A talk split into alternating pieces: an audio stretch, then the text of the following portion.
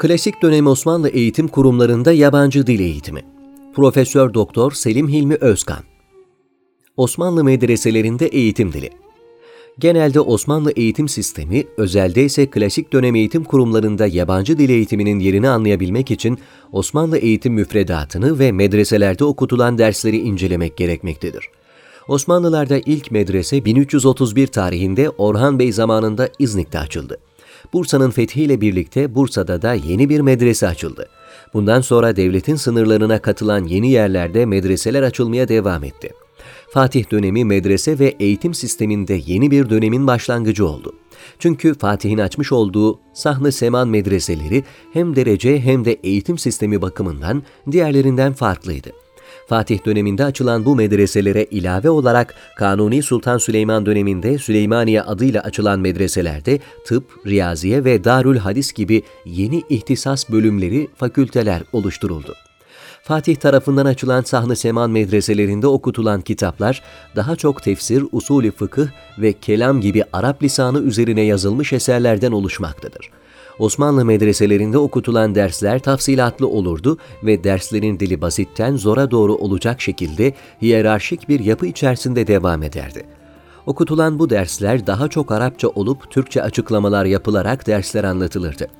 Yani eğitim sisteminde bir silsile takip edildiği gibi ders anlatımında kullanılan eserler Arapça eserlerden meydana gelmekteydi. Mesela Kanuni döneminde yetişmiş önemli ilim adamlarından İmam Birgevi'nin Arapça gramer alanında kaleme aldığı Avamil ve İzharul Esrar eserleri ilim çevresinde büyük kabul görmüş ve asırlar boyunca medreselerde okutulmuştur. Ayrıca Maksud isimli meşhur sarf kitabının Şerhi İm'anül Enzar ve İmtihanül Eskiya kitapları vardır. Ele aldığı eserlerinde belli bir eğitim metodu takip eden İmam Birgivi, bu konudaki ilmi yönüyle birlikte eğitimci yönünü de ortaya koymuştur. Eserlerini yazarken hem öğretmeyi hem de pratik bilgiler vermeyi amaçlamıştır. Verdiği örnekler günlük hayatta kullanılabilecek misallerdir. Seçtiği misaller öğretici ve basitten karmaşa ilkesine uygundur ehli sünnet itikadına ve güzel ahlaka dair misallere sıkça başvurarak eserlerinde eğitimci yönünü de ortaya koymuştur. Mesela İzharul Esrar'daki öğretim yöntemleri şöyle sıralanabilir. 1. Basitlik 2. Yorumlu örnekleme 3. Seçenekli örnekleme 4. Tartışmasız dil öğretimi 5. İşleklik 6. Müfrede veya cümleye çevirme yöntemi 7. Görüntüleme yöntemi Birgivi bu eseri ve diğer eserlerinde kullanmış olduğu yöntem ve tekniklerle Kur'an ilimlerini hedefleyen bir dil öğrenimi amaçlamıştır. Özellikle bu eserde kullanmış olduğu bu yöntemler Birgivi'nin Arapça öğretim yöntem zenginliğindeki farkındalığını öne çıkarmaktadır. Arap filologları bu eserleri okuyan, ezberleyen ve üzerinde düşünenlerin nahiv kaidelerinin tamamını öğrenebileceğini belirtmektedir. Dönemin alim ve fakihleri ilim dili olarak Arapçayı kullanmış nadiren Türkçe yazmayı tercih etmişlerdir. Türkçeyi daha çok tartışmalarda veya halk içinde kaleme alınan ilmihal türü eserlerde tercih etmişlerdir. Mesela bir gibi halkın kolay anlaması için ilmihal niteliği taşıyan Risale-i Birgivi, Vasiyetname adlı risalesiyle fetvalarını Türkçe kaleme almıştır. Kur'an'ı dünyada kazanç aracı olarak kullanma uygulamasının yanlışlığı üzerine yazdığı İnkazül Halikin adlı eserine Haşiyetül İnkazil Halikin adıyla bir haşiye yapmış ve daha sonra bu eserini Risale fi Ademi Cevazil Ücre Alel Kırae adıyla Türkçe'ye çevirmiştir. Osmanlı ilim adamlarının Arapça eser vermelerinde İslam dinine duyulan saygının da önemli bir yeri vardır.'' bu dönemde dil öğrenimi daha çok dini gerekçelerle ön plana çıkmıştır. İyi bir medrese eğitimi almış tüm öğrenciler temel düzeyde Arapça anlayabilmekte ve tercüme yapabilmektedir. Bilhassa dini metinleri çok daha rahat anlayabildiklerini görüyoruz. Medresede görev yapanlarla Arap coğrafyasına atanan kadıların ileri düzeyde yabancı dil olarak Arapça bildiklerini söyleyebiliriz. Mesela İmam Birgivi daha yeni bir müderrisken 23 yaşında maksudun daha rahat anlaşılabilmesi için onun şerhi olarak İm'anül Enzar isimli eserini yazmıştır. Bundan da anlıyoruz ki başta Osmanlı aydın ve idarecileri olmak üzere Osmanlı ilim adamlarının büyük bir çoğunluğu çok iyi Arapça ve Farsça bilmekteydiler. Bunun en önemli kanıtı Arap edebiyatı ve şiiri alanında çok iyi bilgiye sahip olmaları ve kendilerinin bu alanda eserleri olmasıdır. Osmanlı medreselerinde Farsçanın okutulmaya başlaması Nevşehirli damat İbrahim Paşa'dan sonradır. Bu döneme kadar Farsça eğitimi konusunda çok fazla bir girişim olmamakla birlikte bu tarihten önce Farsça eğitimine de iyi bakılmamıştır. Bununla birlikte Osmanlı medreselerinde Farsça Mesnevi, Gülistan ve Bostan gibi eserlerin okutulduğunu görmekteyiz. Yalnızca Mesnevi okumak için Darül Mesneviler de açılmıştır. Bilhassa divan edebiyatı şairlerinin Farsça ağırlıklı şiirler yazması, Farsçanın da Osmanlı medreseleri ve aydınları arasında yaygın bir dil olduğunu göstermektedir. Osmanlı idarecileri Arapça ve Farsçaya karşı bu derece ilgi duymalarına karşın devletin resmi ve bilim dilinin Türkçe olması gerektiği bilincindeydiler. Çünkü onlara göre dil bir topraktır, diğer ilimlerse onun ürünleridir. Bu sebepten Osmanlı idarecileri Arapçayı devletin resmi dili yapmak yerine dine duyulan sevgi ve saygının, dini değerleri öğrenmenin bir aracı olarak medreselerde öğrenilmesi ve öğretilmesi taraftarı olmuşlardır. Osmanlı'da Batı dillerini öğrenme geleneği ve gereği.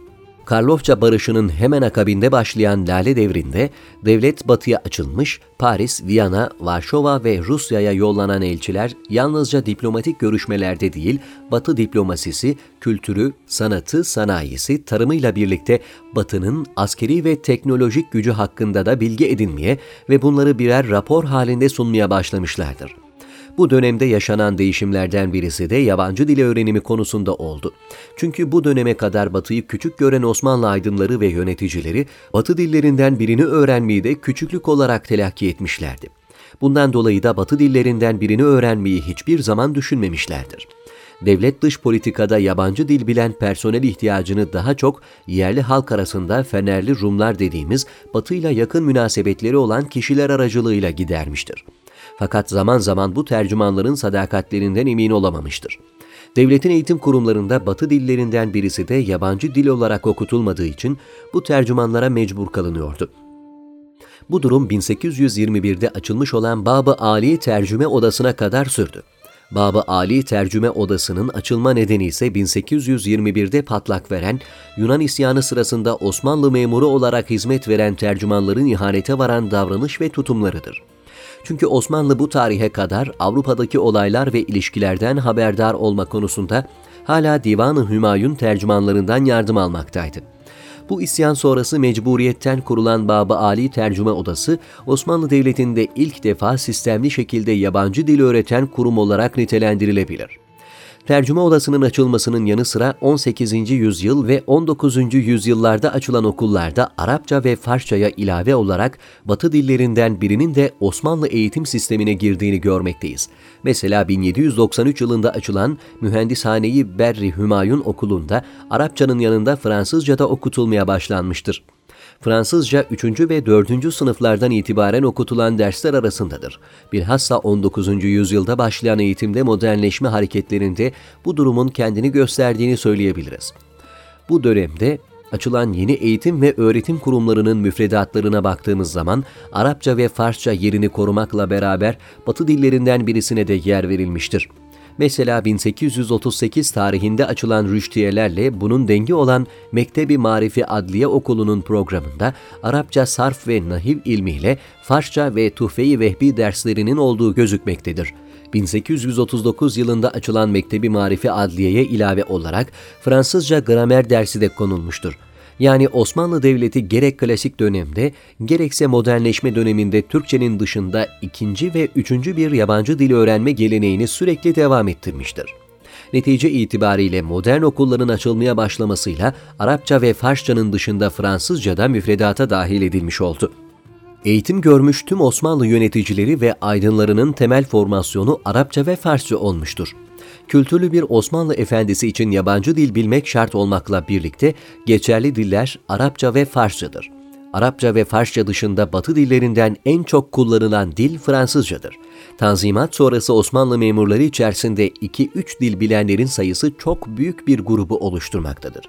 Bu durum hem Anadolu hem de Rumeli eyaletleri için geçerlidir.